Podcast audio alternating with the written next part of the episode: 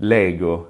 Jag är så imponerad av vad det danska leksaksföretaget har ställt till med genom alla tider. Jag, när jag var liten så var det min absoluta favoritleksak tillsammans möjligtvis med Mekano och den lille hemkemisten. Men det här med att, att få lov att bygga och skapa utifrån enkla klossar kunna bygga nästan vilken värld som helst. Det är ju fantastiskt.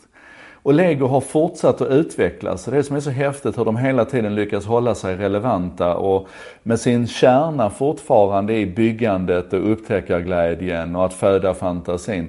Så lyckas de hela tiden skapa nya produkter och knuffa det framåt. Och, och det är ju ett av skälen till att, att Lego har en sån otroligt stark fanbase som man har. Det finns ju något som heter Adult Fans of Lego AFOL och Teen Fans of Lego, TFOL, som är superaktiva. Till exempel på, på Reddit kan man se dem varje gång. Och Lego tar jättemycket intryck av det som händer där.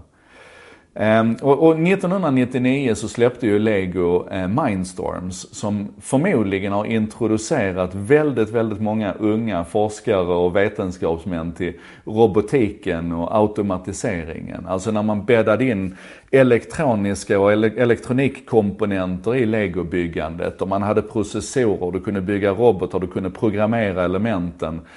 Och, och, man gjorde det här i samarbete med MIT och det är fantastiskt briljant smart att göra det på det viset. Och idag kan man väl säga att Mindstorms finns ju fortfarande och är väl inne på sin Evolution 3 tror jag den senaste modellen är. Och det, det, känns lite grann som den platsen dit gamla elektronikkomponenter går innan de dör. För det är fortfarande väldigt enkla prylar, men det gör ingenting. För det är ju det som är hela kit, hela grejen med lego är just att det ska vara enkla beståndsdelar som du skapar någonting magiskt av. Och det där är också väldigt tydligt om man tittar på de, de Lego-initiativ som inte har lyckats så bra. 2014 till exempel så skapade man ju ett kit som man kallade för Lego Fusion som handlade om att du med artificiell Eh, eller augmenterad verklighet, AR och VR, skulle bygga ihop den fysiska världen med den digitala världen. Och du skulle köpa speciella paket och så, och så skulle du... Och lite, lite grann samma sak är det med, med Lego Dimensions som man lanserade så sent som 2015 men som, om jag har förstått det rätt, man i princip lägger ner nu och inte utvecklar vidare. Som var avancerade dataspel, alltså man tog steget hela vägen över till dataspel egentligen. Och även om det fortfarande fanns fysiska komponenter så var de lite underordnade för allt det här stora och flashiga och häftiga som, som Dimensions utgjorde. Men nu släpper man alltså snart för, för eh, Apple enbart, för iOS. Eh, och det krävs iOS 11 och en modern iPhone för att det här ska fungera.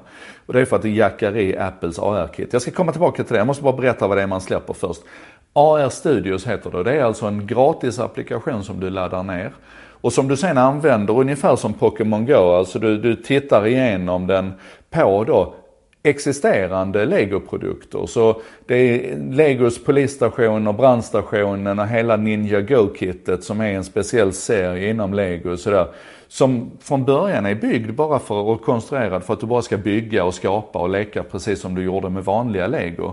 Men nu genom att du adderar den här gratisappen och tittar igenom den på din produkt så så kan det liksom börja brinna och det kommer brandbilar ifrån brandstationen eller det kan komma en, en eldsprutande drake över din polisstation eller i, din, i ditt Ninja Go-kit och så måste, måste brandstationen komma ut och släcka det. Är du med? Alltså, det är fortfarande exakt samma gamla traditionella lego som det, som det har varit sen, sen ja, urminnes tider.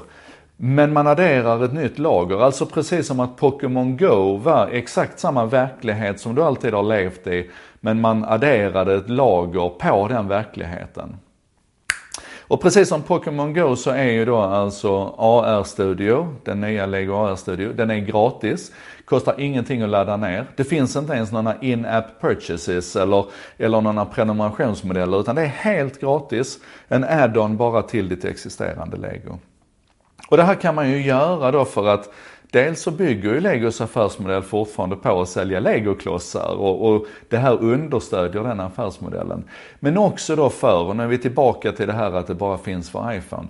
Man bygger det här på Apples AR-kit. Och AR-kit är en, en del av Apples iOS 11 som på ett speciellt sätt nu använder processorerna och kamerorna och kapaciteten och, och ger dig inspelningsfunktioner och ger dig just den här AR-kapaciteten inbyggt i systemet. Så att Lego behöver inte göra jättemycket utveckling. Man behöver liksom inte bygga hela det här komplexa AR-maskineriet och sånt, utan man jackar in i det som, det som Apple redan har levererat. Och det här är så fräckt och det här är så spännande, för det betyder ju att, precis som IKEA gjorde när de jackade in sin app i, i Apples AR-kit, att vi kan höja utvecklingstempot, vi kan sänka kostnaderna för att utveckla de här produkterna och vi kan se en, en riktig så här eh, lavin av applikationer som kan komma på plats och bygga ihop den fysiska världen och den digitala världen med hjälp av AR-kit i Apples iPhone. Och det här, jag var imponerad av det IKEA gjorde och jag tror vi har pratat om det. Men det här är så briljant. Jag tror det här kommer att bli en megasuccé för Lego.